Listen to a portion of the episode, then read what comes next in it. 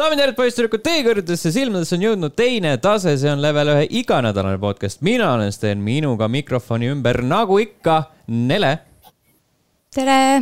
ja Robert. hommikust. Te kuulete, vaatate saadet numbriga kolmsada kaheksakümmend kuus nagu juuresolevalt pildilt või siis kõrvadesse jõudvatest helidest saate aimu, siis äh, siia on jõudnud inimesed, kes äh, siin varem pole kordagi käinud äh,. põhjus lihtne. Allan, Andri, Ragnar, kõik eelistavad äh, teha tööd või, äh, või siis äh, viibida muudes kohtades, teha muid toiminguid kui, kui see, et äh, keskenduda, keskenduda asjadele, mis on reaalselt olulised. podcast'i tegemine. Läksid IKEA-sse või? ma ei tea, mis nad teevad. see on ikka kohutav. kui sa ei ole nüüd IKEA avamisest alates iga päev IKEA-s vähemalt korra käinud, siis kas IKEA ikka avati Eestis või ei mm? -hmm. Speaking of äh,, siin just alles hiljuti oli see uudis, et äh, IKEA-s läks elekter ära äh,. ma olin täpselt sel hetkel seal, kui see juhtus see oli kohutav elamus. aga siis paar päeva hiljem oli see uudis ka, et nad leidsid sealt territooriumilt mingi pommi ja siis mingi pommirühm käis seda defuusimas mis asja? see oli mingi teise maailmasõja aegne mingi see rakett IKEA-s ei nagu mitte seal sees, aga kuskil seal selle ala ja, peal. seal kuskil, ai juudas, jumal. okei okay,, see on veel hullem uh,. aga pomm või mitte, elekter või mitte, aga minu meelest see elamus oli juba, juba eos kohutav, seal oli nii palju inimesi. see oli suht rõve. mis sa ostsid? mitte midagi. sellepärast, et kõik peksti välja siis, kui elekter ära läks. või no tegelikult alguses oli seal mingi kõlaritest hakkas käima äh,. töötajad aktiveeritud on kood tuhat või midagi sihukest, nagu oleks, nagu Death Star hakkaks kohe õhku lendama. ja kõik peaksid äh, kiiresti sinna evakuatsioonialadele liikuma enne kui see juhtub. aga äh, teeme podcast'i asju. Äh, kõige esimeseks äh, sektsiooniks on meil alati kommentaarid. Youtube'i jättis Smells like, like racing järgneva kommentaari demod on nüüd popid indie-arendajate seas, sest Steam annab neile lisavõimalusi oma mängu turundada. näiteks Steam Next Fest oli veebruaris ja juunis, järgmine juba oktoobris kahjuks mitmed arendajad koristavad demod ära siis, kui päris mäng välja tuleb. Äh, ja ma kusjuures äh, olen ka hästi kurb alati siis, kui mingid äh, demod ära kaovad. ma olen päris mitmel korral üritanud, üritanud leida ja siis avastanud, et ahaa, see oli mingi ajaline eksklusiiv ilmumise eelnev aeg Also, Steam'i demodest rääkides mängisin äh, Cult of the Lamb'i hiljuti ja oi plinn, kuidas ma üritasin äh, selle demo üles leida. ma mõtlesin, et sellega on täpselt sama asi, et see on ka kuradi maha võetud peale seda, kui mäng on nagu laivi läinud. aga, aga see oli kuskil seal, seal demo nupp on kuskil seal kõrval riba peal hästi niimoodi äh, mitte märgatav. kui seda äh, ma ei tea, kas see on nagu enne ilmumist teema, aga tavaliselt lähed sinna Steam'i lehele, siis sul on suuresti see mm -hmm. roheline riba seal all, download demo now ja siis ma mõtlesin, et kas ma nagu olen loll või, või nagu see on tõesti kadunud, aga siis mingi kümme minutit ma jaurisin, äh, otsisin ja siis lõpuks leidsin selle. no ja, eks see koht, kus raha saab küsida, siis see on kindlasti suurema fondiga ja rohkem keskel mm. -hmm, jah veel räägib Smells Like Racing, et Ready Player Me juba toetab NFT-sid ja mitmed metaverse mängud juba kasutavad Ready Player Me lahendust uh,. Andreessen Horowitz, uh, sulgudes A16 Z, on investeerinud mitmesse metaverse slaš NFT projekti. Neil on tohutult suur fond selle jaoks hmm,. palju õnne neile Äh, ja lõpuks. koduka lahti võtad ja hakkad vaatama, et mis teil koostööpartnerid on, seal on mingi meeletu nimekiri erinevaid, mingeid metaverse'i ja kes teab, mida veel, et seal võib ilmselt pool päeva guugeldada, enne kui teada saad, kelle kõigega nad koostööd teevad juba mm. -hmm. ja millised ahvid neil täpselt on kuskil folder'is äh, millega Eminem järgnevalt äh, hakkab laive tegema, millise ahviga? ette ta ära ei unustataks mm. -hmm Äh, ja tagatipuks äh, öeldi, et teil taustal tulid imelikud helid sisse nagu vetsupotis vesi jookseks. Äh, kahjuks pean sind kurvastama, Allanil oli aken lahti ja vihma sadas. Aga liigume Discordi, Fimp Conte on järgmine, järjekordse portsu kommentaari jätnud äh, IGN-i kinnimaksmisest. arvestades neid jutte, mida ES Rock slash MSI kohta Gamers Nexus näiteks rääkinud on, siis ikka väga suured firmad saavad lubada endale sellist asja äh,. üldse ei vaidle vastu, et sellist äh, juhtumeid või selliseid juhtumeid üldse on aset leidnud, aga ma lihtsalt väidan, et need ei ole nii laialt levinud, kui internetis väidetakse, et need on iga, iga null punkt, null koma punkt on äh, juba kellegi poolt kinni makstud, kellegi arvates. No, äh, no ma ei tea, Sten, kas keegi tõesti valetaks internetis niimoodi või jaa, kindlasti mitte ma ei tea, ma ei ole ka kunagi kuulnud, keegi internetis valetaks lihtsalt mm,. ma arvan, et internetis tasub kõike uskuda, eriti kui räägitakse kristallidest ja, ja enda äh, tagumiku äh, Äh, pleeki, äh, päevetamisest mm. -hmm. mis asju sealt internetist sa otsid? ei, need jäävad lihtsalt ette. inimesed jagavad enda kogemusi. viis minutit, äh, viis minutit päevas päikese poole kummardamist pidavat juba positiivne olema.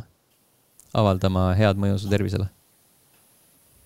ja miks mitte ka teiste igatahes äh, Marveli sarjadest rääkides äh,, Falcon ja Winter Soldier oli kuidagi meh-sarjana, ülesehitus oli kuidagi veniv ja kohati oli selline maitse, et need pahad äh, olid tegelikult nii pahad äh,. Loki, WandaVision, Hawkeye, Moon Knight olid kõik omamoodi head äh,. Loki meeldis endale kõige rohkem, klassik Marvel action pluss huumor äh,. Miss Marvel oli ka tegelikult okei okay,, ehkki minu jaoks kõige nõrgem neist. vot siis. Tuus äh,, need olid pod-, podcast'i kommentaarid ja ma tahtsin öelda juba aadressi. Äh, need olid kommentaarid sel nädalal, jätke neid ikka igale poole podcast.level1.ee, äh, Discord, Youtube, äh, Facebook, Twitter ja kõik, kõik allikad, mida ma ei maininud, aga kuhu võib kommentaare jätta, kus me lihtsalt ei pruugi neid üles leida. oh, nüüd on aeg rääkida mängudest äh,. alustame Robertist, F1 Manager kaks tuhat kakskümmend kaks pakub äh, mulle huvi, mis asi see on? See on pilguheit Günter Steineri hingeellu. et kes ei tea, siis Günter Steiner on vormel ühes Haasi meeskonna pealik. ja ta, kes on vaadanud seda Netflixi Drive to Survive'i, siis ta jääb alati silma sealt selliste ütleme siis viisakalt emotsionaalsete väljapuusakutega ja elamustega. väga värvikas tegelane ja kui seda mängu nüüd mängima hakkad, siis sa hakkad teda väga hästi mõistma. et sa teed, näed vaeva, seadistad masinaid, katsetad neid sõitjatega. ja siis, kui sa oled nad ilusti taktikaga võib-olla sealt tagumisest otsast saanud sinna poodiumi piirimaile, siis otsustatakse ennast plokki pidurdada, rehvid kandiliseks sõita, niimoodi, et on vaja minna boksi rehve vahetama. aga see pole veel kõik. okei okay,, teeme boksi peatuse ära, tullakse välja uuesti veel, võideldakse viimastele punktikohtadele ja siis viimasel ringil võid, võiks mõne kurvi sirgeks sõita ja vaadata, kas seinad peavad vastu. suurepärane aga tegelikult ma ütleks, see on sihuke väga hea nohikumäng, et see on vormelimäng, kus ei saa grammigi ise vormeliga sõita.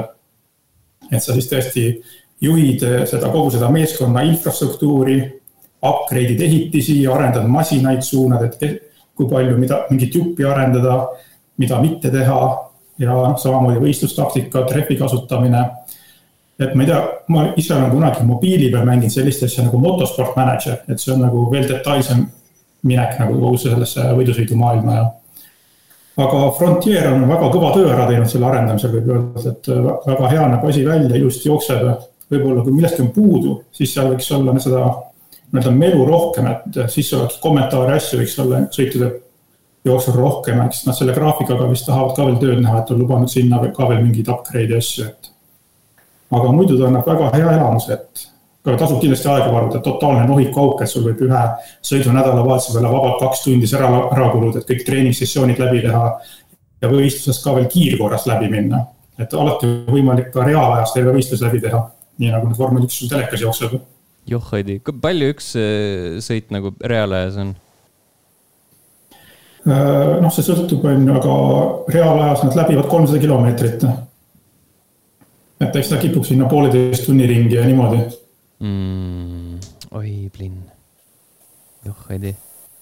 ma olen alati mõelnud, et kes see, kes on need äh, hullumeelsed, kes mängivad näiteks Fifat mingi päris, päris nelikümmend viis ja nelikümmend viis või mis need on? Fifat mitte, ma NBA-d ma mängisin ka samamoodi neli korda kaksteist ja täismahus ikka. Aga ma kuulun ka nende hullude hulka, kes on NBA-s tegelikult rohkem aega kulutanud selle franchise mode'i simuleerimisele kui reaalsele mängimisele, et. et mul on see vormel üks mänedžer täiesti ideaalne mäng kas see vormel üks mänedžer on mäng, mida sa soovitaksid inimestele, kellele meeldib vormel või see on nagu midagi sellist, mida keegi selline inimene võiks ka nautida, kes ei ole mingi suur vormeli fänn otseselt? Ma arvan, et ta kindlasti on jah, laiema ulatusega selles mõttes, et tegelikult see sõitma seal ise ei pea ja ta ei olegi üldse autosõidumäng, et ta ongi tegelikult nii-öelda manageerimismäng. lihtsalt natuke teises võtmes, kui me oleme võib-olla harjunud mingisuguste majandussimmide ja selliste asjade puhul. okei okay,, nii et vormelist otseselt ja... midagi teadma nagu ei pea eelnevalt, et tead, et autod sõidavad ei, seda, ja seda siis mitte jah, et ma jah, et noh, eks vormelihuvilistel on see, et nad võib-olla teavad, millise meeskonnaga alustada, kui nad tahavad mingit head tulemust saada, mina läksin muidugi Haasiga kohe, sest mina tahtsin seda Günther Steineri elamust saada, et kuidas siis on sellist meeskonda juhtida, mis ei, võib-olla ei kõlba alati igale poole. ja nüüd, kui enam seda Mazepini neil ka meeskonnas ei ole, siis on südametunnistusega hea rahulik, et ei pea teda juhendama seal normaalne, kes, kes on praegu vormelis kõige kõvem tiim? kõige kõvem on ikka Red Bull praegu tundub. Ferrari'l on tegelikult hea masin, aga nad millegipärast otsustavad sellega mitte võita ja mitte alati võidu sõita, et otsivad omale ise mingeid raskusi, miks teha elu keerulisemaks. Nad on võib-olla harjunud sellega, et peab midagi olema lahendada mm. -hmm. Alrighty, mighty uh,. mis sul veel siin kirjas on? räägi neist asjadest ka hiljuti nüüd lõpetasin sellise mängu nagu Lost in Random, mis on siis sihuke seiklusmäng. ta on, kuidas öelda, nagu muinasjutumaailm on ja siis seal tegelikult äh, võitlusmehaanikad tuginevad siis mängukaartidele ja täringule. ehk ta on nagu kombinatsioon mõlemast. et sa kogud selle mängu jooksul omale kaarte, mida sa saad siis valida, mis sul on kaardipakis, mis ei ole. noh, kaartidel on erinevad omadused ja siis äh, mängus lahingute keskel viskad täringut, et mitu kaarti sa saad omal pakist tõmmata.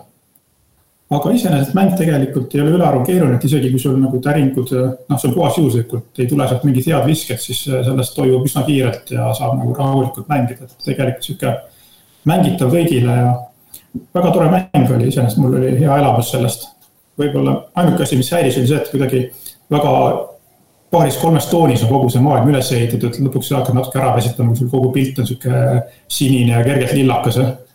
et võiks, võiks võib-olla natuke rohkem värvi seal sees olla. kui äh, see on äh, kriitika, siis, äh, siis sul ei tasu kohe kindlasti mängida äh, paari aasta tagust platvormikat, selle nimi oli Fee vist või? Äh, kus mingi äh, loomakene väga lillas maailmas ringi jooksis. Äh, Jepp Vee. jah, see Electronic Arts andis välja seda lausa. päris huvitav, aastal kaks tuhat kaheksateist. aga vaatasin treilerit, need on toonide poolest üpriski sarnased. Fee on isegi vist veel lillam, kui Lost in Random tundub olevat siis on äkki see mingi EA-l mingi oma mingi säästupoliitika, et nad ei pane mängudesse palju värve sisse. Lost in Random on ka EA mäng. on jah äkki see on nende lillade mängude osakonna poolt loodud lihtsalt no see. et kui kunagi Ford ütles, et saate mustad autod, sest must värv on kõige odavam, siis võib-olla neil on lilla ja sinine sihuke kõige odavam, mis nad kätte saavad. me oleme siin saates rääkinud sellest, et äh, sa tunned äh,, peaaegu alati tunned ära, kui tegemist on Devolver Digitali mänguga, et neil on alati mingi konkreetne käekiri mängudel juures, ma arvan, et see on siis nagu see EA indie-mängude käekiri, et ongi lillad lihtsalt. Unravel oli vist ka EA mäng jaa see, see vist ei olnud lilla, aga seal oli punane tegelane ja sinine tegelane, nii et nagu nad vist alles ja, ja, see vist on selle ori osakonna origin story, et That's how they catch you. esimene, esimene Unravel, äh, no mitte päris lillaks, aga tal oli ka nagu veits sihuke depressioonitoonid. aga äh, veel? veel ja siis ma hiljuti avastasin endale sellise mängu nagu, nagu na, Naraka Blade Point. mis on siis puhtalt Battle Royale mäng. mulle tegelikult Battle Royale mängud üldse peale ei lähe. eelkõige just, tulistamismängud väga palju üldse ei tõmba. aga see siis erineb selle poolest, et see on ehitatud siis äh, Kaug-Aasia mütoloogia võtmes.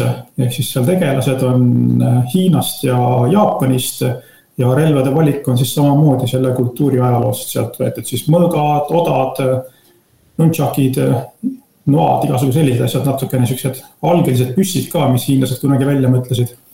aga siis selline jah, võitluskunstidest inspireeritud Battle Royale, kus siis on võimalik mängida kuni kuuekümnekesi ühe kaardi peal aga siis on mängumoodid on sul, mängulaadid on valida, et kas siis üksinda kõigi vastu või siis kahestes, kolmestes tiimides et ma ise eelistan nagu sellistes kolmetistes tiimides seda praegu avastada ja proovida, et tegelikult ma vaatasin, see mäng on mingisugune aasta aega vist juba väljas, aga nad praegu, aga raske öelda, et kas ta nüüd on päris lõpetatud nad vist mingil määral arendavad seda veel, et olla, siin on jutt, et kunagi jõuab veel Playstationile ka välja ja midagi sellist mm. -hmm.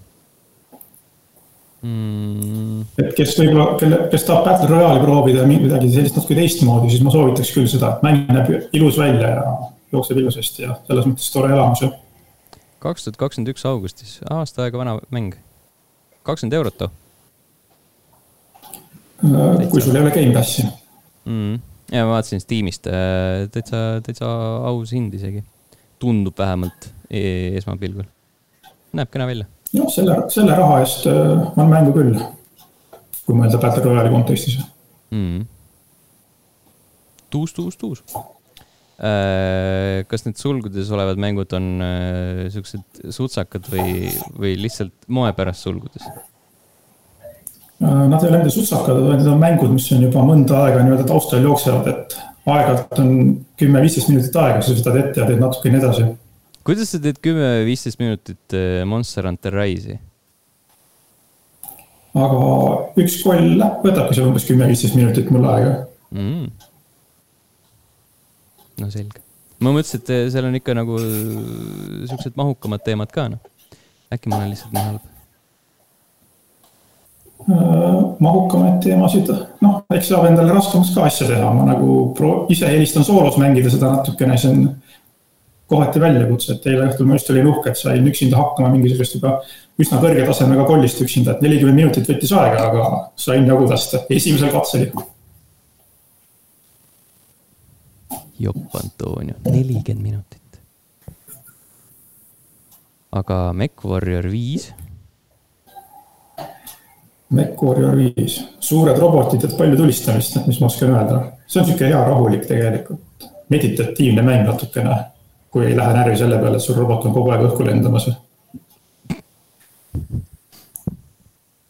hüva. et kunagi oli see MechWarriori seeria oli päris populaarne vist, et ta oli pikalt oli pausil, aga nüüd siin mõned aastad tagasi tuli jah viies osa välja ja see on ka täitsa okei okay.. ma kuna proovisin seda alguses ka vanema Geni konsooli peal, seal ma ei soovita, et ta jääb graafiliselt nõrgaks.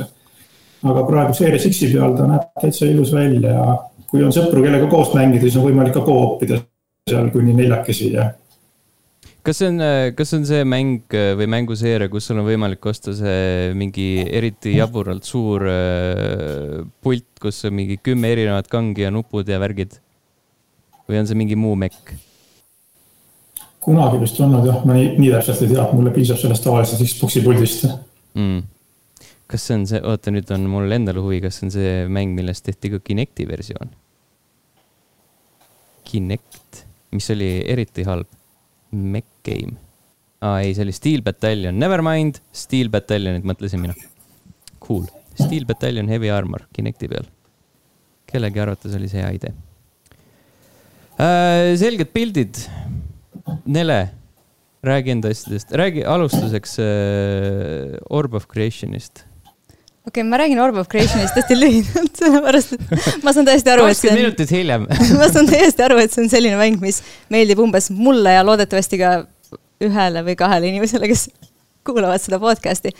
et äh, see on mäng inimestele, kellele meeldib, kui numbrid lähevad suuremaks. et äh, ta võib-olla kõige lihtsam on seda kirjeldada, kõige lihtsam on seda kirjeldada niimoodi, et ta on nagu idle game või nagu clicker game, aga mitte päris, sellepärast et äh, see ei ole idle, sa pead sealt kogu aeg nagu midagi tegema. et, et see on ikkagi selline mäng, et sa noh, ongi, et sa tegutsed kogu selle mängu aja, et sa ei pea lihtsalt istuma ja ootama, et millal sinu cookie clicker'is lähevad küpsise või mingid, ma ei tea, või või munaaktsiad nii kõrgeks, et nüüd on õige hetk neid müüa. et, et seal ikka on, käib kogu aeg sihuke asi, et sa saad kogu aeg nagu aktiivselt midagi teha ja oma süsteeme paremaks sättida. ja, ja see klikkimine, noh, selles mõttes, klikkimine on selles mõttes mängu osa, et sa pead klikkima nupule, et midagi osta või upgrade ida, aga see lihtsalt klikkimine iseenesest nagu midagi ei anna. et selles mõttes sellepärast mulle meeldis see mäng rohkem kui klikkerid või idle'id, et sellega saab nagu rohkem midagi teha. ja noh, numbrid lähevad suuremaks. ja siis need süsteemid lähevad ka selle järjest keerulisemaks, kuidas kõik asjad, kõik asjad ja ressursid omavahel nagu seotud on. ja siis ongi, et tuleb, mängid edasi, näed mingit uut asja, saad seda siis hakata ka arendama ja vaadata, kuidas see sinu eelmistesse süsteemidesse sobib ja tegelikult ka see on tore, et kui sa jääd kinni seal mängus, siis sa tead, et tegelikult äh, see tähendab seda, et sa teed midagi valesti. või kui asjad lähevad hästi aeglaseks, siis sa tead, et nagu nüüd on see koht, kus sa pead üles otsima selle asja, mis sa, mis sa pead muutma, et nüüd jälle läheks kõik niimoodi mõistliku kiirusega. põhimõtteliselt nagu sobrad koodis ja otsid enda viga või mm,? jah, aga üldiselt natuke vähem valuta, ma arvan no tavaliselt videomängud on natukene vähem arutamad äh,. veel? Mm, veel on ja. Äh, näiteks äh, Borderlands, mille mängimisele ma umbes kolmteist aastat olen nüüd hiljaks jäänud. aga jah, see on siis ka kuulumas nendesse, sellesse mängude kategooriasse, kus raha ei olnud rohkemate värvide jaoks kui ainult üks, et paraku Borderlands ühe puhul on see värv siis pruun. et, et kuidagi see, see pruuni värk läks seal niimoodi, et, et neid, neid pruune oli nii hämmastavalt vähe, et vastased sulandusid suurepäraselt taustaga kokku ja siis, kui tekkis tunne, et nagu keegi pureb mind ja siis saad nagu vaat-, vaatad, et kus see vastane siis on, et et ühesõnaga väga, väga pruun Borderlands, aga, aga iseenesest ta mänguna oli nagu tore ja äh, abikaasaga koos mängisime, mängisime ta lõpuni, mängisime ka kõik DLC-d ära. nii et selles mõttes nagu jah, see pruun oli küll nagu sihuke naljakas iga kord, et noh, kas täna õhtul ka pruuni Borderlandsi tahad mängida. et aga teisest küljest nagu see, see story või see mäng iseenesest oli selline, et, et tõi meid sinna tagasi küll.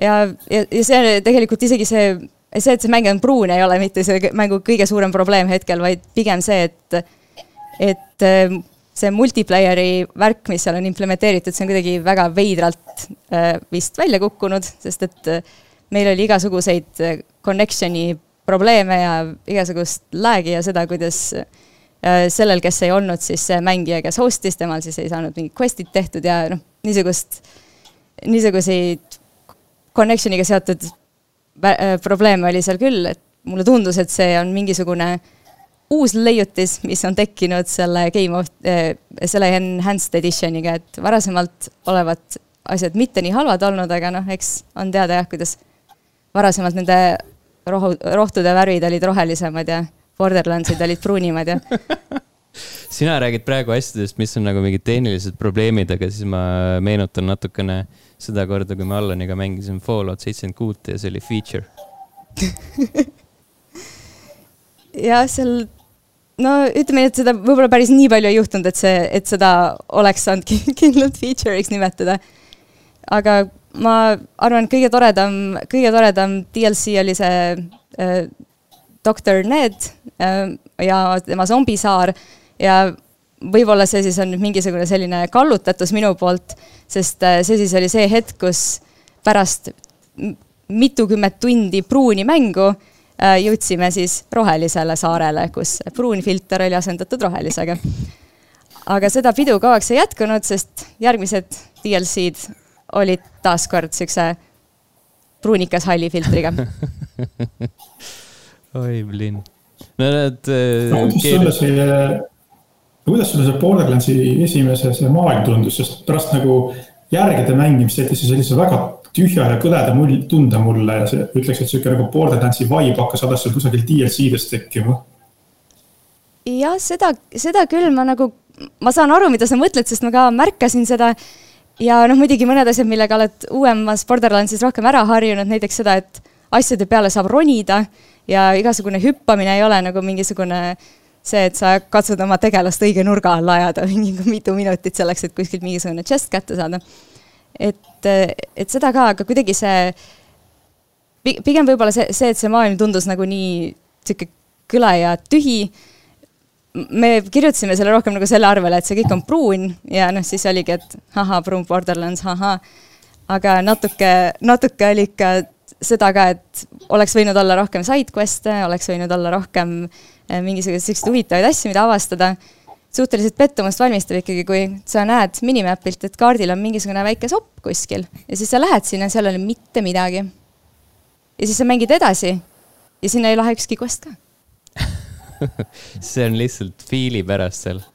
ma olen ka kusjuures mõelnud, äh, see on sihuke eelkõige lineaarsetes mängudes paned sa eriti hästi tähele seda, et kui sa nagu level disain on selline, et sul on jäetud natukene avastamisruumi ja see on nagu, eesmärk on see, et see, et see ruum, kus sa oled, tunduks äh, ehedam, et see oleks nagu sihuke, annaks sulle selle illusiooni, et see on, äh, see on reaalne koht, kus inimesed elavad või see on nagu mingi selle Äh, et see maailm on nii-öelda päris, on ju, aga siis sa lähed sinna, seal ei ole mitte midagi, siis mõtled, aga miks me lihtsalt varem seda nagu koridori kinni ei tõmmanud siit, et mida ma siin nurgas ikka koperdan, lihtsalt make, make it make sense.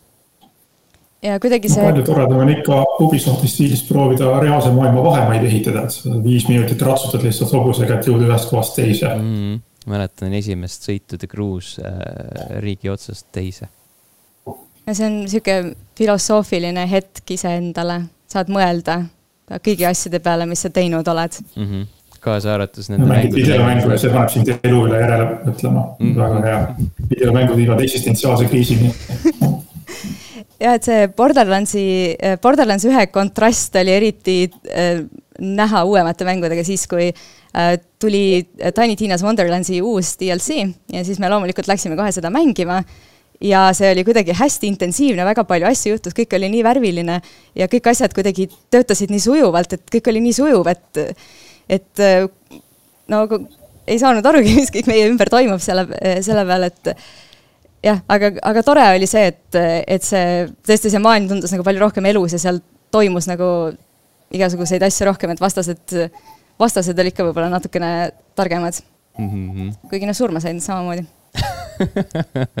mulle meeldib, et need, eh, nad esimese Borderlandsi puhul kasutasid ainult paari värvi siis teise osa juures said aru, et oh wait, meil on nagu kõik need ülejäänud. no see.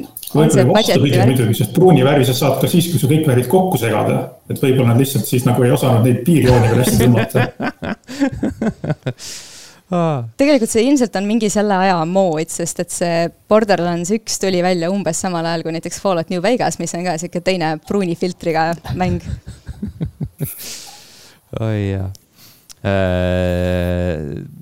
Arvutiekraani taga on äh, Borderlandsi ekspert, kellel on äh, liiga suures koguses tunde selles mängus, ta ei ole nõus meie juttudega mm,. ja, jah nii, kas sealt tuleb mingi eksperthinnang ka veel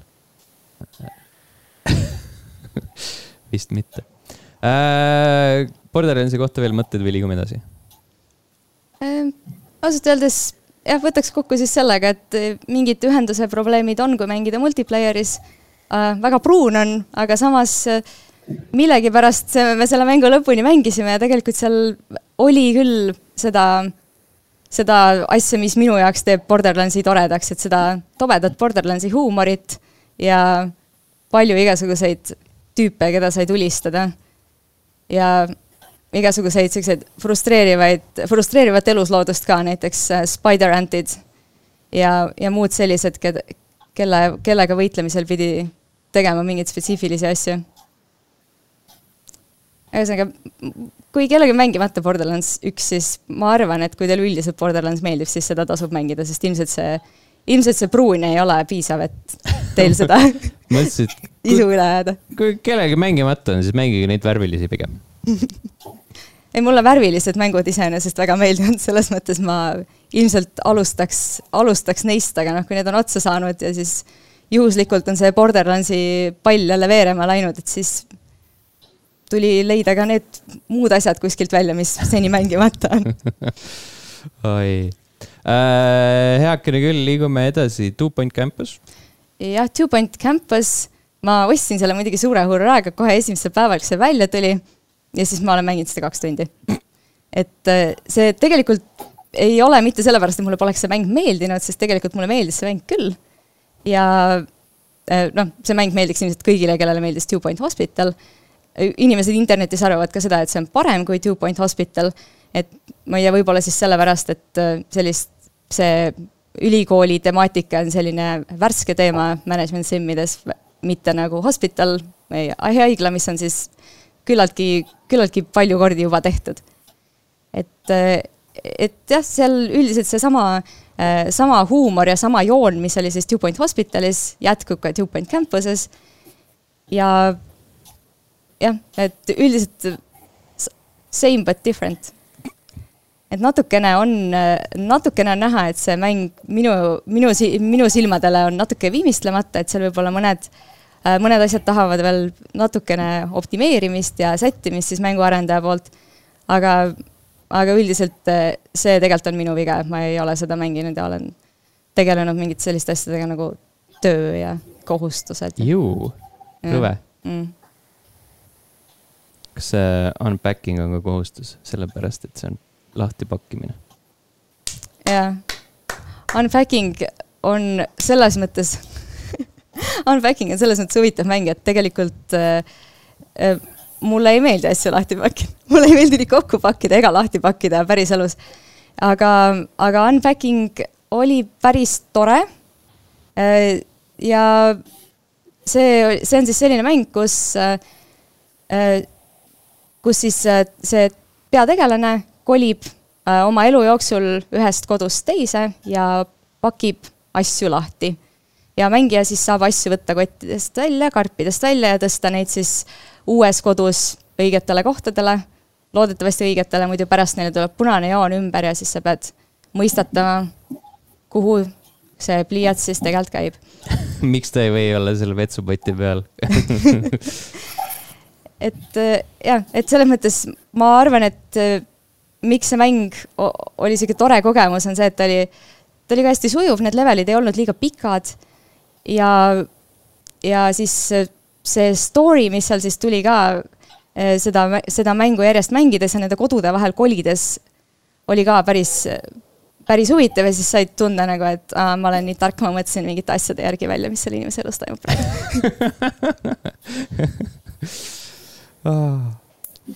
me oleme ka. erinevalt Two Point Hospitalist, kus antakse ülesanne, siis hakkad nuputama, et mida pagan siin nüüd tegema peab hakkama. jah seda, seda küll jah, et paned lihtsalt asju ära ja siis saad, saad teada. seal tegelikult, seal on mingisuguseid easter egg'e ka päris palju, mida ma ei leidnud ilmselt kõik, et väidetavalt seal saab, seal on mingid arvutid ja kui neid lahti pakkida, siis neid saab kuidagi sisse lülitada. mina sellega hakkama ei saanud mm. aga võib-olla oli asi ka selles, et ma sain teada, et neid arvuteid saab sisse lülitada noh, umbes siis, kui ma olin enam-vähem selle viimase koduni jõudnud ja siis noh, kui esimesel korral midagi tegemine ei õnnestu, siis noh, see ongi nüüd kõik ja läinud Never again, nagu ütled iga, peale igat kolimist. ja siis ikka elu viib äh, tagasi samadele radadele. jah, mul kolm aastat tagasi kolisin, hinges on ikka veel haavad oh, värske kolijana ma ei taha isegi kommenteerida seda rohkem.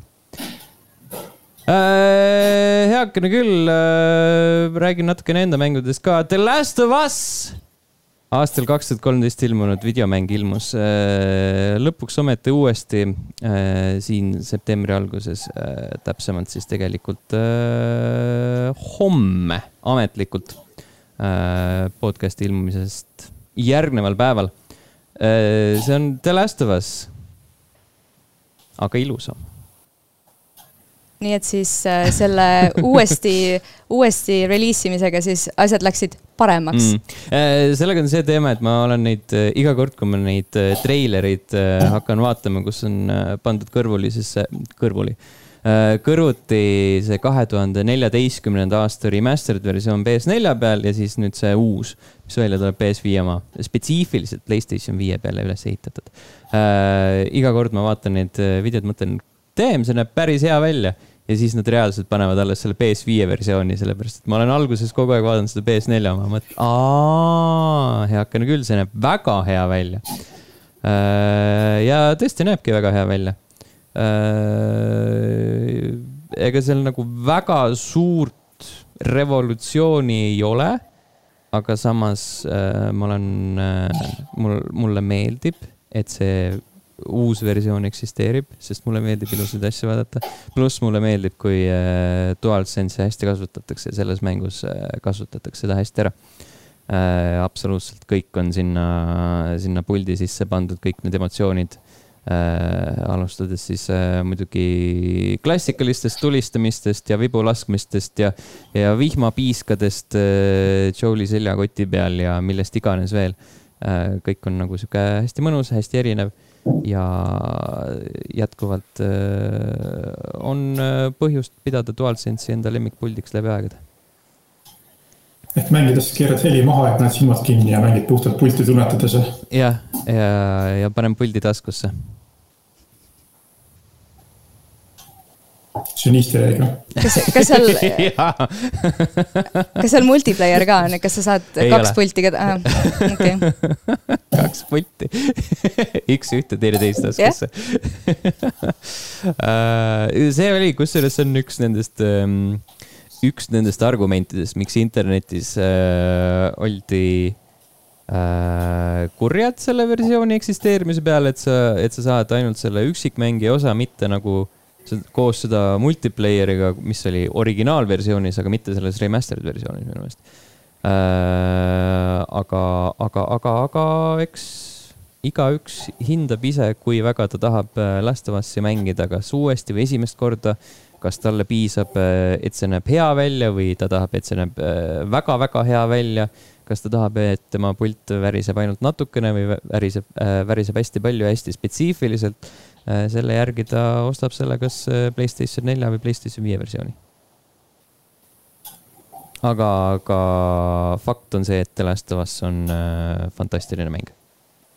ja see äh, uus versioon aitab sellel väga hästi esile tõusta või noh, esile paista. jah, üks neist kahest veel olen mänginud PlayStation viie peal sellist asja nagu Klonoa Fantasy Reverie Series, see on äh, järjekordne uus versioon äh, või noh, remaster, ma ei tea, mis kumb ta on, kas ta remaster rem, äh, remake äh,, uus versioon, uuendatud versioon, ühesõnaga ma olen seda mänginud äh, mitte just väga palju, aga natukene, see on värviline 3D platvormer. Äh,, algselt äh, oli raskusi, et mu aju saaks äh, aru ja hakkama. Äh, seal on see case, et sul on vaja hüppamiseks äh, vastaseid kasutada, ehk sa haarad vastastest kinni äh, ja siis hüppad ja siis nagu tegelane viskab selle vastase vastu maad ja tänu sellele nagu hüppab kõrgemale. ja siis ma iga kord lihtsalt hüppasin vastastele peale ja mõtlesin, et miks need Mario reeglid siin mängus ei kehti. aga, aga lõpuks, lõpuks suutsin sellest brain fog'ist läbi murda ja, ja siis hakkas nagu päris hästi toiminud, see on mõnus värviline maailm. Äh, mina ei ole selle seeriaga kunagi varem kokku puutunud, äh, aga, aga nüüd on kõigil see võimalus olemas, see ei tohiks tegelikult väga palju maksta ka. me isegi rääkisime sellest äh, paar saadet tagasi, tegelikult Rainer rääkis sellest, okei okay,, see on nelikümmend eurot, never mind. Aga siin on kaks mängu, nii et I guess it's worth it Nevermind, see on viiskümmend eurot. aga siin on kaks mängu jah, selle raha eest saab päris palju värve. võib-olla lihtsalt natukene ootate, ma ei ütleks, et see nagu täismängu või täishinda väärt on uh,. oota, nüüd me läheme enda vana hea sõbra juurde, How long to beat uh,. vaatame, teeme seda klassikalist uh, euro võrdub tund mis iganes see on nii, äh, Fantasy Reverse Series äh, kümme pool tundi, viiskümmend eurot, no oleneb, kui väga sulle meeldivad 3D platvormerid. no selles mõttes, kui sul ei lähe nendes eriti hästi ja kui see vastaste loopimise hüppamise trikk on nagu selline, et läheb selle peale aega, siis saad nagu rohkem, rohkem oma raha eest. jaa, kui sa oled speedrunner ja sa oled varem neid mänginud, sa oskad neid mängida, siis läheb väga, väga kiiresti, siis võib-olla tõesti ei ole worth it aga, aga üldiselt see stiil on sihuke nunnu, võib-olla nunnu ei ole päris hea, sellepärast need tegelased on siiski cool'id, neil on tagurpidi nokamütsid peas ja, ja, ja lohvakad riided. aga ei äh,, üldiselt see tundub äge. Mulle meeldib äh,. lõppu äh, panen hoopis tegelikult äh, selle statement'i, et mm, Dragon Ball, mille, mille special event nüüd läbi sai pani mind mõistma, et äh, Fortnite on ikka retsilt fun. ma olen kuulnud seda, ma ei ole mm, -hmm. ma ei ole kunagi mänginud Fortnite'i, aga ma olen kuulnud, et see on fun. ja, ma ei tea, kus, äh, mis nüüd saama hakkab, sellepärast et äh, need Fortnite'i äh, äh, erinevad äh, eriülesanded, mis olid Dragon Balli teemalised ja, ja kõik need äh, item'id, mis sinna mängu selle tarbeks toodi äh, äh, nagu see mm,, issand jumal nüüd äh,, Nimbus. issand, kas see on õige äh,? see kollane pilv. Jaa, kollane pilv, mille peal kokku äh,, kokku ratsutab.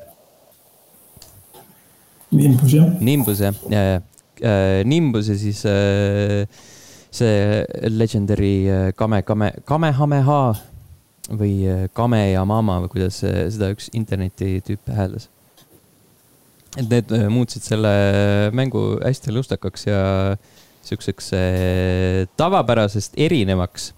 Keegi kuskil äh, hästi tõi võrdluse ka, et Fortnite pole kunagi olnud õudsem, kui ta on praegu, sellepärast et sa kunagi ei tea, millal sind võib tabada kamehameha ja sa ei tea, kuskohast see tuleb, aga sa kuuled seda kedagi karjumas seda ja, ja taevas läheb natukene pilve siis, kui see, keegi hakkab sind sellega tulistama ja siis ongi sihuke veits, veits õõva tekitav tunne, et kohe-kohe keegi, keegi lööb sind, sa ei tea, et on su selja taga.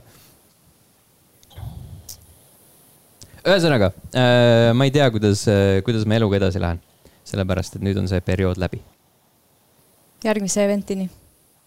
ma ei tea, kas, kas seda suudetakse nüüd üle teha? võiks ju. no ma ei tea, NFT-d äkki tulevad siis?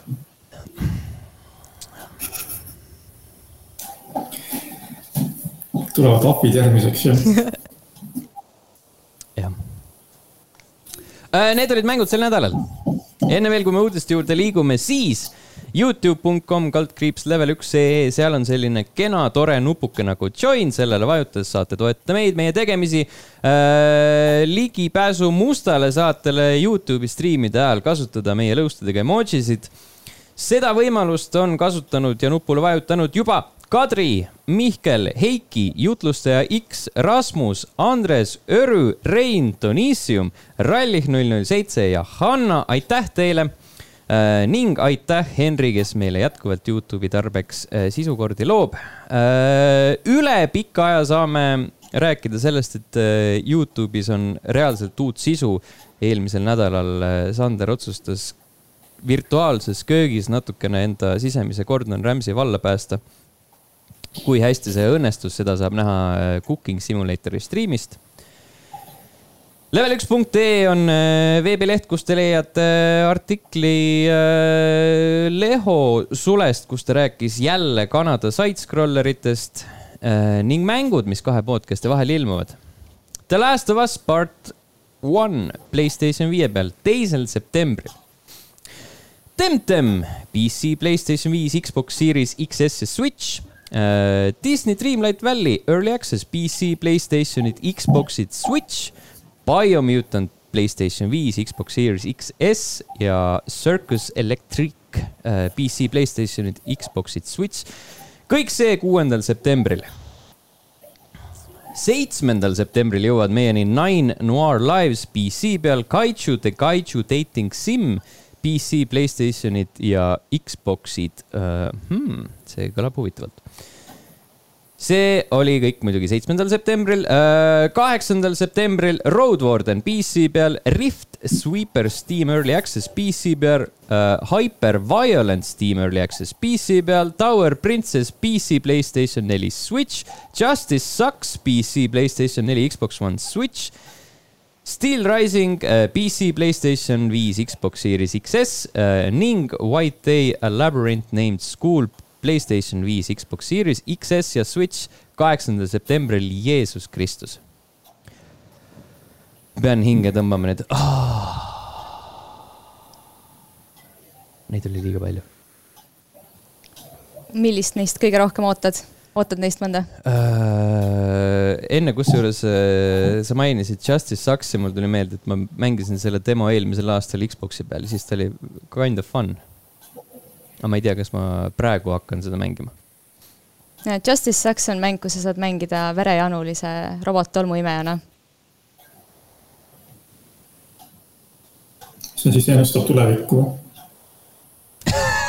ma lood-, ma loodan, et mitte, sest ma arvan, et minu robot tolmuimejal oleks mulle küll üht-teist ette heita uh,. okei okay.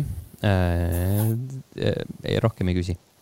ma olen kusjuures nendest asjadest proovinud uh, Temtemi, see peaks olema, kontrollime kohe üle uh,, aga see peaks olema selline, jep uh,, Pokemoni laadne uh, mäng, ma olen mingi early access'i mänginud siis, kui see kaks aastat tagasi Playstation viie peale jõudis see oli vist Steam'i Early Access'is ka päris pikalt mm. -hmm. see on nunnu MMO, on see, mida ma tean sellest mängust. no jah, jah, vastab, vastab suhteliselt äh, sellele, mis pilt ka näitab praegu. nunnu Pokemon MMO, aga lihtsalt äh, temtemid. jah. ühesõnaga, aeg uudiste juurde liikuda Äh, kõige olulisem, kõige kriitilisem tõenäoliselt on fakt, et äh, Playstation viie hind tõusis.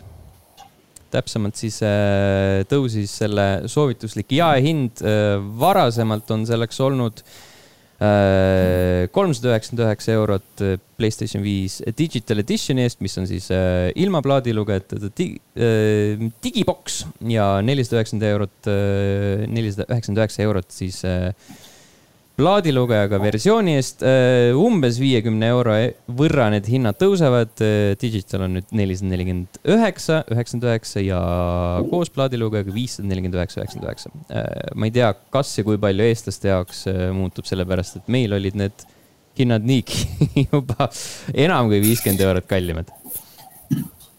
jah, aga keda see hirmutab, siis varsti on mängutöö ja seal on võistlustel auhindadeks ka mõned PS5-d, nii et seal kellelgi see viiskümmend eurot on see jah. deal breaker, siis tasub mängutööl teha igasuguseid asju, näiteks cosplay'd, ma ei tea, mille eest veel PS5, PS5 sai. Nice plug, kindlasti on mingid võistlused ka äh, ja pileti hind on tunduvalt soodsam ka kui äh, viissada nelikümmend üheksa või nelisada nelikümmend üheksa eurot. nii, Robert. loodame, et meie poodides need hinnad tõusevad siis maksimaalselt kolmkümmend, nelikümmend eurot jah, võiks ju loota, eks ole, aga huvitav, kas kuskil, äh, kuskil nendes Saaremaa market ites ja mis iganes äh, kohad veel olid, kus neid jätkuvalt äh, müüdi alles tuhande euroga, kas need on veel alles? või on need ära ostetud juba mõnikord tekib tunne, et on-off ostab igalt poolt mujalt kokku ja siis lükkab ise müüki mm,. eks õle muidugi sõltub sellest ka, kuskohast, kuskohast sa neid ostad sellepärast, et äh, mõned edasimüüjad on juba seal äh, need juurdehindlused ära teinud. mida rohkem lülisid seal ahelas on, seda kehvem versioon sinu jaoks.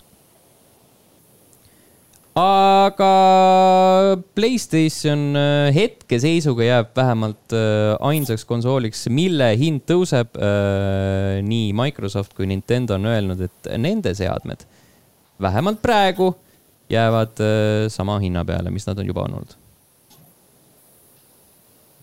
ühesõnaga, nad on leidnud mingi muu viisi see raha kuidagi kätte saada inimestelt. Nad Kui... mängude hinnale panevad juurde viis euri igal mängul. jah, aga salaja äh, Microsofti esindaja ütles, et nad äh, hoiavad alati turul silma peal ja siis vastavalt sellele kujundavad hinnaga, vähemalt praegu masinate hinnad ei muutu ja Nintendo juba varasemalt ütles, et nad tõmbavad kulutusi kokku muudes äh, aspektides, a la panevad konsooli väiksema karbi sisse ja müüvad seda niimoodi. no et Animal Crossingus on kümme protsenti vähem putukaid iga päev lihtsalt äh, arendus, äh, arenduse pealt hoitakse ka kokku ja raha teemal, raha teemadel jätkates, siis eelmise nädala lõpus, see oli vist reedene päev, kui hommikul hakkasid levima kõlakad sellest, et Electronic Arts ostetakse kohe-kohe ära kohe-kohe tehakse avalikuks äh, see, et Amazon käib äh, välja suured rahapatakad ja võtab selle jalgpallimängude äh, treipingi endale. Aga siis õhtuks juba jõudis, jõudis uudis väikse, väikse sada kaheksakümmend kraadi teha ja öeldi, et ei, ei, ei, see on täielik jura. Suutis vist jättis nagu rahva enam-vähem külmaks, sest mis seal ikka on, et üks vihatud firma ostab teise vihatud firma ära, et väga midagi ei muutu. Mm.. ma arvan, et seal oli mingi, mingi äh, sihuke trots selle, noh, trots on nagu sihuke hästi leebelt või mitte, mitte leebelt, vastupidi, see on nagu sihuke suurendatud, üles puhutud sõna selle puhul, aga, aga trots on nagu selles, et Amazon äh, ei äh, ole veel senini äh, jäänud silma kui äh, mitte isegi hea, vaid adekvaatne videomängude looja äh,. Aga Electronic Artsil äh, aeg-ajalt siiski õnnestub äh, ühel või teisel moel natukene positiivses valguses näidata ennast. ja siis äh, tekkiski sihuke äh, jutumärkides kurbuse tunne, et äh, kui Amazon võtab Electronic Artsi endale, siis äh, see hävitab viimsedki lootuskiired sealt midagi head näha. Jah, siis järgmises Star Warsi mängus on kindlalt NFT-d järgmises Star Warsi mängus on äh, äh, hyperlingid äh, kuskile Amazoni poodi lihtsalt, et sa saaksid endale lightsaberi need äh, mänguasjad osta ja ja mis iganes veel seal müüakse. droidide asemel on Amazoni droonid või tõenäoliselt ah,. lihtsalt äh, tõe, ma arvan, et äh, need mängud ei jõuakski, Amazon lihtsalt cancel daks need ära. nagu nad äh, enda asjadega on teinud senimaani. New World vist ainukesena veel hingab, aga see The Crucible vist oli selle nimi, mis tuli välja ja siis äh, viidi tagasi beetasse ja siis pandi üldse kinni. kas ma mäletan õigesti? äkki see oli mingi muu, ühesõnaga mingi, mingi veidra, veidra geneerilise nimega mäng oli. mõned head sarjad on nad vist siiski teinud, Amazon. Nad on teinud hea platvormi, kuhu saab sarju osta teiste käest Äh, liigume edasi. Äh, viimaste saadete põhjal teate, et mina olen üks nendest, kes äh, ootab, millal on võimalik maksta raha oodatava Steam Decki eest. pilet sinna järjekorda on mul ostetud. võib-olla, kui hästi läheb, saab seda teha isegi sel aastal aga äh, on ka inimesi, kes mõtlevad, et äh, ma seda esimest Steam Decki endale ei osta, ma ootan kunagi, kui tulevad äh, välja uued versioonid, mis parandavad ära kõik äh, esimeste versioonide äh, kitsaskohad ja nüüd Valve ise on ka mõista andnud, et neil on kavas uusi versioone teha, et ei jää selliseks ühe hiti imeks. jah, uus versioon, kus on uued vead vanad on ära parandatud mm. -hmm. vist ei ole ühtegi ideaalset äh,, ideaalset masinat, mis töötaks laitmatult. Või kus. ma ootan seda ülejärgmist, ma ootan ülejärgmist mudeli, sest järgmine on niikuinii mingi vahepealne versioon ja, ja sellise loogikaga sa kunagi ei ostagi midagi ja säästad hästi palju raha. ma ei tea, mina sinu asemel ei ootaks. saab Nintendo mänge osta mm. -hmm. mina sinu asemel ei ootaks, sest Half-Life kolm ei tule, Steam Deck kolm on ka sihuke kahtlane värk varsti blablabla. ja, ja, ja äh, Äh, äh, asjad, mida tahaks Steam Decki peal tegelikult teha äh,. võib-olla natukene piiluda emulaatorite maailma, siin hiljuti jõudis internetti pilt, kuidas keegi on pannud enda Steam Decki suure ekraani taha ja emuleerinud 3DS-i mänge niimoodi, et suure ekraani peal on nagu selle 3DS-i ülemine ekraan ja 3DS-i alumine ekraan on siis Steam Decki enda peal. see on siis see puutetundlik ekraan tavaliselt ja siis see põhimõtteliselt ta taas lõi Wii U endale, aga hästi keerulist teed pidi. natuke kallima ka, kui poest saaks. jah, natuke kallima, aga tõenäoliselt populaarsem kui Wii U kunagi oli. jah, mul on ka Steam Decki järjekorrapilet ostetud mm. -hmm. mis on esimene mäng, mida sa selle peale mängima hakkad mm,? ma arvan, et äkki näiteks Slay the Spire või äkki Orb of Creation? Ma saaks voodis Orb of Creationit mängida. jah, pane lihtsalt äh,, pane Steam Decki peale cookie clicker'i. Uus versioon, uus, uus platvorm, mida mitte puutuda.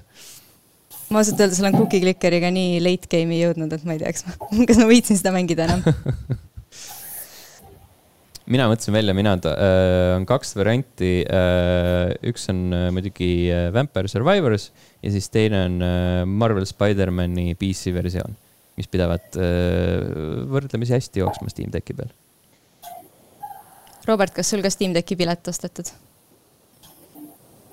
ei ole, ei võta plaani ka, aga see Vampire Steam Decki peal, see kõlab täpselt sihuke asi, et Steam Deck peaks ennast sellega promoma nagu, et saate Vampire Survivorsit voodis mängida. see on äh, alati eriti hea, kui sul on äh, hästi võimas masin ja sa reklaamid seda kõige vähem nõudlikuma mänguga eales. ja sa ei pea seal väga mõtlema ka, lihtsalt natukene liigutad paari nuppu. That's about it rääkides mõtlemisest, äh, on aeg mõelda selle peale, kas äh, Mafia seeria veel erutab meid, sellepärast et Hangar kolmteist ütles, et nad töötavad järgmise Mafia mängu kallal, mis on äh, veel aastate kaugusel, aga on igatahes töös. võib-olla on tegemist eellooga ja ühtlasi on põhjust ka natukene rõõmustada, sellepärast et esimene maffiamäng on praegu Steamis järgmised paar päeva tasuta saadaval. jah, seda ma ei ole siia linki pannud, aga äh, Maffia seeriaga, kuidas on teil suhted? minu suhted puuduvad selle mänguga. Robert? ma olen kunagi, kunagi olen mingit mänginud, aga ma ei mäleta absoluutselt, milline see oli. see oli enam-vähem okei okay,, tore kogemus. aga kui ma seda uudist lugesin, et nad teevad uut, siis ma mõtlesin selle oma eelmise kogemuse peale ja reaktsioonile, et ma nagu ei tunne puudust sellest seeriast mm. -hmm. ma, kusjuures ma mõtlesin ka korraks, et äh, Hangar kolmteist teeb seda, nemad tegid äh, kurikuulsa Mafia kolme, mis oli üpriski äh, katki esi, esiteks, üpriski puine ja üheülbaline äh,, ilusad cutscene'id ja, ja kesine mängitavus aga, aga küll andis ta meile sellise kena toreda fraasi nagu Mafia kolmen ennast äh, kuskilt läbi, mis tähendab seda, et sa hambad ristis pressid ennast mängu lõpuni, olgugi et ta ei ole eriti hea. Äh, ja siis ma mõtlesin, et kas, kas ma tahan, et nemad teevad Mafia nelja, aga samas nemad ju tegid ka selle viimase või õigemini esimese Mafia remake'i, mis ei olnud nii halb kui kolm, mis oli isegi täitsa mängitav. Äh, ja võib-olla isegi tasub ettevaatlikult optimistlik olla selle Mafia nii-öelda nelja suhtes. teisisõnu, et kui keegi neile kondiga vatt annab, et siis nad võib-olla saavad enam-vähem hakkama. jumal seda teab. aga eks näis noh, oota, vaatame, palju meil äh, Mafia Definitive Edition on Steamis lausa nii hästi vastu võetud. nii, nii, nii, very positive, joh, ei tea. no siis isegi võib natukene rohkem kui ettevaatlikult optimistlik olla. ettevaatamatult optimistlik. mitte, mitte nii mõõdukalt, pigem mõõdukalt kui ettevaatamatult ja äh,. maffia seeriaga teil äh, suhted kesised, kuidas on Harry Potteriga? no Harry Potteriga on sellised, sellised suhted nagu ikka mi, minu põlvkonna inimestel, ehk siis ma sain, ma lugesin neid raamatuid väga palju, kui ma ise põhikoolis umbes olin. siis nad, siis nad umbes tulid kõik välja, kui ma põhikoolis olin ja siis ma ootasin raamatuid ja ootasin, et ootasin tõlkeid, ootasin millal saaks lugeda ja siis, kui ma see, kui ma selle raamatu sain, siis ma istusin ja lugesin seda lihtsalt mitu korda järjest läbi Robert? ma olen lugenud umbes poolteist raamatut lapsele ette. et nii palju on minu lugemiskogemus. filme ma olen vaadanud ja filmidest mulle meeldib, et seal on päris mitu näitlejat, kes kuuluvad mu lemmikute hulka, et äh, selles mõttes filmide osas on positiivne mälestus. Kas sa oled ikka algusest lugenud või sa lihtsalt võtsid seeria keskelt suvalise raamatu ja hakkasid lapsele ette lugema? ja algusest algusest, siin mingi paar aastat tagasi hakati välja andma uusi versioone, mingi ilusasti illustreeritud just nii-öelda lastele suunatud, et. ah ja, ja, ja, ja ma olen ka näinud neid see oleks päris karm, kui võtad lapsele mingi Harry Potteri viienda osa kuskilt hakkad lugema seda. ja, ja siis äh, sirvid kohe sinna, sinna lõppu, kus, kus need äh, fight'id on ja kus äh, spoiler, Sirius ära sureb see muidugi äh, jätkus filmidest, minu jaoks huvi natuke langes, sest äh, Gary Oldman on Gary Oldman ja kui tema ära tapetakse, siis läheb kõik asjad halvemaks mm..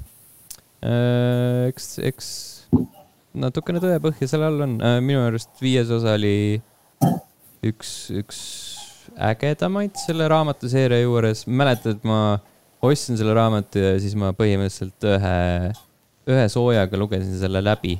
niimoodi, kuskil no ma ei tea, hommiku hakul lõpetasin kuskil öösel, mõtlesin, et heakene küll, üks, üks peatükk veel ja siis ma lähen magama.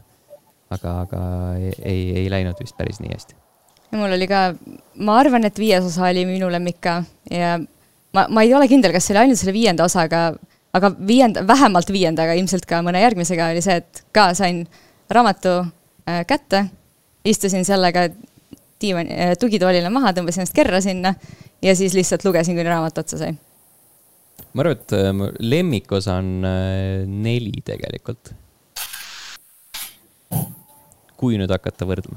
igatahes äh, pikk jutt äh, kõik selleks, et äh, rääkida eesootavast Hogwarts Legacy'st, mis on siis Harry Potteri maailmal põhinev mäng äh,. mis ilmub järgmise aasta veebruaris ja siis äh, mille kohta paar väikest infokillukest a la näiteks, et äh, Playstationi peal on sellel eksklusiivne äh, missioon äh,. ja võib-olla, kui sa ostad äh, Collector's Editioni, siis võib-olla on sellel veel eraldi eksklusiivne missioon. ühesõnaga, need, kes on siis ettevaatamatult optimistlikud, saavad lisamissioone mm. -hmm. see on, äh, see on nagu eriti sihuke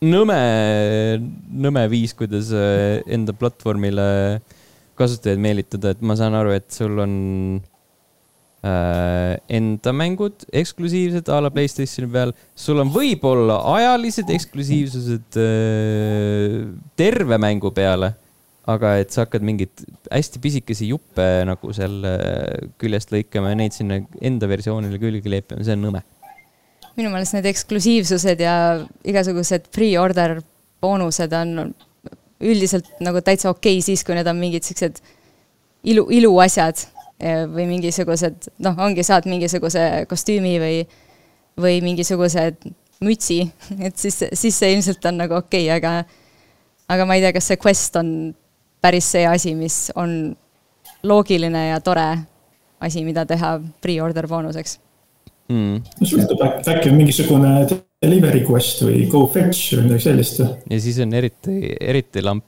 see on äh, jälle, see on seesama case äh, nagu äh,, nagu oli Marvel's äh, Avengers'i puhul. see suhteliselt kesine Square Enixi mäng äh,, kus siis ämblikmees oli Playstationi peal, Playstationi eksklusiivne karakter, aga nad isegi kasutanud seda varianti äh, targalt ära nad ei pannud seda ämblikmeest, kes on nagu Playstationi mängudes, neil oli mingi täiesti suvaline ämblikmees.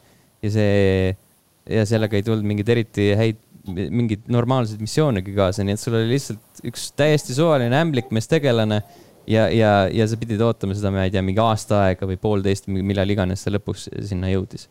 ühesõnaga, loll süsteem on eksklusiivsed, eksklusiivsed äh, jupid aga see, nii, oota, vaatame siin, äh, see, õnneks seda siiski ei ole tegelikult seal Collector's Editionis eksklusiivsust. see on seal Playstationi, ainult Playstationi omas. ja kritiseerin siin ja samas mulle tuli meelde, et ma ost-, ma kiir-, kiirustasin selle Two Point Campus'e ostmisega sellepärast, et siis ma sain äh, kuldsed vetsukabiinid. kui nagu esimese nädala jooksul ostis kuldsed vetsukabiinid kas, kas sa kasutasid neid ma pean tunnistama, et ei kasutanud, sest et nüüd redeem ida peaks ma sisse logima sinna oma two point kontole, aga kuna ma ei mäletanud selle parooli ja siis ma ei viitsinud seda parooli reset'i teha, siis ma mängisin tavaliste vetsudega appikene, how aga, in the fucking world no?. aga ma pean vist nüüd minema neid vetsusid redeem ima täna oh see kõlab nagu eriti, eriti tüütu versioon, kui sa pead nagu mingi ekstra konto veel tegema selleks, et saada enda vetsu kätte. ma kusjuures, ma kusjuures, mul kusjuures on see konto tegelikult, sellepärast et äh, ma ei mäleta, mille eest need vetsud sai Two Point Hospitalis aga seal mul on need vetsud. ja ma mäletan, et ma olen nüüd rediiminud seal lehel igas mängus, kus vähegi võimalik kuldset vetsu nagu, Nele kasutab seda võimalust ja I must have this. vähemalt on continuity ma ei tea, see nagu Two Point Campus'e puhul tundub selline kuldne vets kuidagi väga raiskamisena. siis mingid purjus tudengid lähevad, ropsivad täis selle lihtsalt. no ma ei tea, rikaste vanemate lapsed tahavad ülikoolis käia. rüütlite kooli sobib hästi võib-olla okei. oi, Blinn äh,. heakene küll äh,. kusjuures Gamescomilt äh, üks uudis oli, mis äh, eelmisesse nädalasse ei mahtunud, oli see, et äh, Obsidiani äh, keskajaline seiklusmäng Pentiment sai konkreetse ilmumiskuupäeva, milleks on viieteistkümnes november. kas te olete vaadanud seda? Mängu, milline see välja näeb? mida ta endast kujutab? ma vaatasin mind, seda vaadates tabas mind üks väga konkreetne emotsioon. et kas selle mängu pärast ma pean nüüd ootama kauem, kuni tulevad Avowed ja Outer Worlds kaks jaa. ma ei tea midagi sellest mängust, ma korra vaatan seda pilti okei okay,, see pilt ei tule tuttav ette, nii et järelikult ma ei ole sellest teadlik. see näeb välja nagu keskaegne kunst. Nad on äh, väga, väga spetsiifilised olnud enda, enda stiili loomisel. seal on olnud äh, ajaloolased isegi abiks selle projekti loomisel. ühtlasi oli väga huvitav. nii. seda keskaegset kunsti sai kooli ajal vaadatud küll ja mul on tunne, et mul on selleks eluks sellest isu täis aga kas sel ajal äh, lahendati ka mõrvamüsteeriumeid? no vot. mul on, mul on Steamis mm -hmm. wishlist'is mingisugune mäng, mis ei ole see mäng, aga mis on ka selle keskaegse stiiliga ja kuidagi nagu hästi sarnane vibe mm. -hmm. ma muidugi ei mäleta, mis see on, aga peab, peab üles otsima, mis see oli. see oli mingi indie-mäng igal juhul. Neid on raudselt äh, retsilt sellise stiiliga tegelikult. kas see oli see Inculinati või? Vist äkki jah. mis asi? Incuminati. Inculinati. aa, Inculinati. kuidas sa kirjutad seda? nii nagu kuuled äh,. panen äh,, vaatame, aa okei okay.. jaa. Ink, ink uh,. Ink-based strategy, straight from medieval manuscripts ja see on väga-väga sarnane stiil. jah, see, see on see mäng, mis ma mõtlesin mm. -hmm, mm -hmm. see on jänes vähemalt mm aga see tundub, tunduvalt limiteeritum olevat, kui äh, Obsidiani Pentiment on. siin on ainult mingi raamatulehtedel toimuvad. noh, selles suhtes mina olen suht lihtne, et kui ma näen kuskil management sim, siis ma panen add to wish list ja kui näen, kui näen, et rohkem kui kaks värvi on ka kasutusel, siis, siis võib-olla jääb mängu nimi ka meelde ja äh, ja need kaks värvi on pruun, must mis peab kolmas olema, et see oleks juba wishlist'is no ma ei, ma ei teagi, kas hall või beež kusjuures äh, Pentiment äh, mulle iga korraga meeldib aina rohkem, tahaks seda mängida küll, nii et äh, viisteist november, see on Gamepassis ka kohe esimesel päeval olemas, nii et ei pea isegi ostma, kui on Gamepassi tellimus olemas. mulle meeldis see screenshot, mis sa näitasid, kus see, kus see maja oli. aga see meeldis mulle põhiliselt sellepärast, et seal oli see mustavalge ruuduline põrand, mis ma igasse Simsi kööki panin, kui ma kümneaastane olin ja Simsi ühte mängisin. Siis sa peaksid ennast väga koduselt tundma Pentimentis kõik, äh, kõik põrandad on põhimõtteliselt sellised. Äh,. videomängu uudiste sektsiooni lõpetame teadaandega, et Alan Wake kaks on järg äh, Alan Wake'ile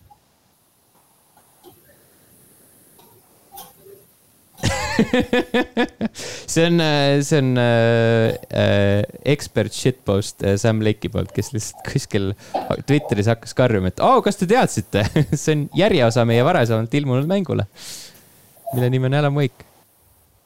ja siis PC Gaming. tundis, et mängust räägitakse liiga vähe või? jaa, ju siis, ma arvan, et ta kasutas seda Gamescomi baasi ära, et inimestele meelde tuletada ja Alan Wake kahe eksistentsi moodsam oleks panna mingi teistsugune nimi, kas T Alan Wake või midagi sellist.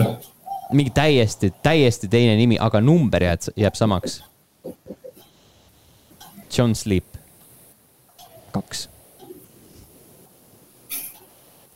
vot äh,, need olid videomängude uudised siin äh, Vaba Mikri all tavaliselt räägime filmidest, sarjadest äh,. Õnneks need paar uudiskillukest, mis siin on, puudutavad videomänge ka esmalt siis e, Netflixi Resident Evil sari, mis äh, ei saa teist hooaega. sest esimene oli nii halb. nüüd tuleb vist ära vaadata ikka. ma mõtlen ka kogu aeg, et iga kord, kui sellest räägitakse, siis äh, tekib aina suurem huvi selle vastu äh,. aga senimaani pole ükski Resident Evil asi väga, väga hea olnud no see multikas, mis Netflixis oli, see oli sihuke juba peaaegu enam-vähem okei okay, fanfiction'i tasemel. see oli see neljaosaline, on ju? jah. see oli põhimõtteliselt äh, film neljaks lõigatud. aga ma ei vaadanud seda ka lõpuni Läks nii, läks nii kuivaks ära äh,. hästi, hästi tihti kasutati selle uue Resident Evil sarja puhul just sellesama uudise kontekstis, et uh, it has been cancelled teine hooaeg, aga nagu kuidas sa cancel'd midagi, mida ei eksisteerigi. lihtsalt seda pole, seda ei uuendatud. inimesed said aru, et pole mõtet. Äh, ja Netflixi kohta veel nii palju ka, et äh, BioShocki film, mis ka Netflixi jõuab, äh, sai režissööri. selleks on Francis Lawrence, kes on teinud sellised filmid nagu I am legend, Hunger Games, Catching Fire ja Slumberland ning äh, stsenaristiks on Michael Green, äh, Logan, Blade Runner kaks tuhat nelikümmend üheksa ja American Gods. ma saan aru, et siis I am Legendi järg on siis laua pealt maas, jah? Äh, sest Will Smith andis Chris Rockile lõuksi või? vabandust, läppis lihtsalt teda. aga ma ei tea. oota, vaatame kohe, I am Legend kaks. mingi vahe nagu räägiti sellest, et tahetakse teha või midagi, et mm. -hmm. aga noh, mis sa teed, kui peaosaline ei ole ekraanikõlbulik, siis jah, aga kas, kas üks, üks läpp on nüüd nagu nii, nii katastroofiline, et terve film cancel'isse lasta? ma ei tea, do legends slap people. Sõltub, keda slapida. ma ei tea, see tundub, et nagu vist siiski, vist siiski juhtub koos Smithiga, vähemalt esmapilgul paar aastat on pausi, ta teeb vahepeal BioShocki ära ja siis proovivad uuesti mm.. ja siis äh, on inimesed unustanud ka selle slap'i juba. kui ta vahepeal kedagi uuesti ei slap'i. jaa, see on ka alati variant. või siis selle saaks kuidagi ühendada niimoodi, et, et Will Smith on äh, see BioShockis see Big Daddy ja siis tal on see mask on peas, siis teda ei ole näha. et ta nagu põhimõtteliselt on nagu seal ja, ja mis, mis, mis häält mängus teeb lihtsalt mingit siukest, mingi siukest asja yeah.. aga siis, siis tegelikult saad pärast öelda, et Will Smith ütles, et I am legend too. aga lihtsalt sa ei saanud aru, sest tal oli see kiiver peas. ja siis sa pead võtma selle heliklipi ja sa pead seda mängima tagurpidi mingi kaks koma kakskümmend viis kiirusega, siis sa kuuled seda. ja, ja. Oh, no, see, see on nagu need Kruuti, Kruuti short'e reklaamiti, et Vin Diesel on ikka peaosas mm. -hmm. kas, kas ta reaalselt äh, luges mingeid uusi I am Groot äh, laine sisse ka või lihtsalt oligi mingi taaskasutus vanadest materjalidest? sest ma ei näe põhjust, miks ei peaks olema taaskasutus vanadest materjalidest. vot nii terava kõrvaga ei ole oleks võinud ju, oleks võinud ju äh, võrrelda. Oi, näe, äh, septembrikuu Games with Gold äh, mängud just said selgeks. siia lõppu. nii, Gods will fall, Double Kick Heroes, Thrillville ja Portal kaks see oli vist viimane kuu, kui äh,, jep, viimane kuu, kui on neli mängu. nojah Cool äh, kas te olete midagi vaadanud ka? ma va käisin kinos vaatamas äh, Apteeker Melchior kahte emaga. see on põhimõtteliselt äh, Pentiment the movie. jah, et äh, täitsa, täitsa tore film oli. mulle meeldis esimene film ka mulle esimene vist meeldis natuke rohkem kui see teine, aga see ei tähenda, et mulle see teine nagu ei meeldinud, lihtsalt see esimene oli nagu natuke parem. ma olen neid raamatuid ka lugenud, vähemalt esimest kolme, kunagi no umbes siis, kui nad välja tulid, ehk siis noh, mingi ma ei tea, kaks tuhat üksteist, kaksteist, kolmteist äkki.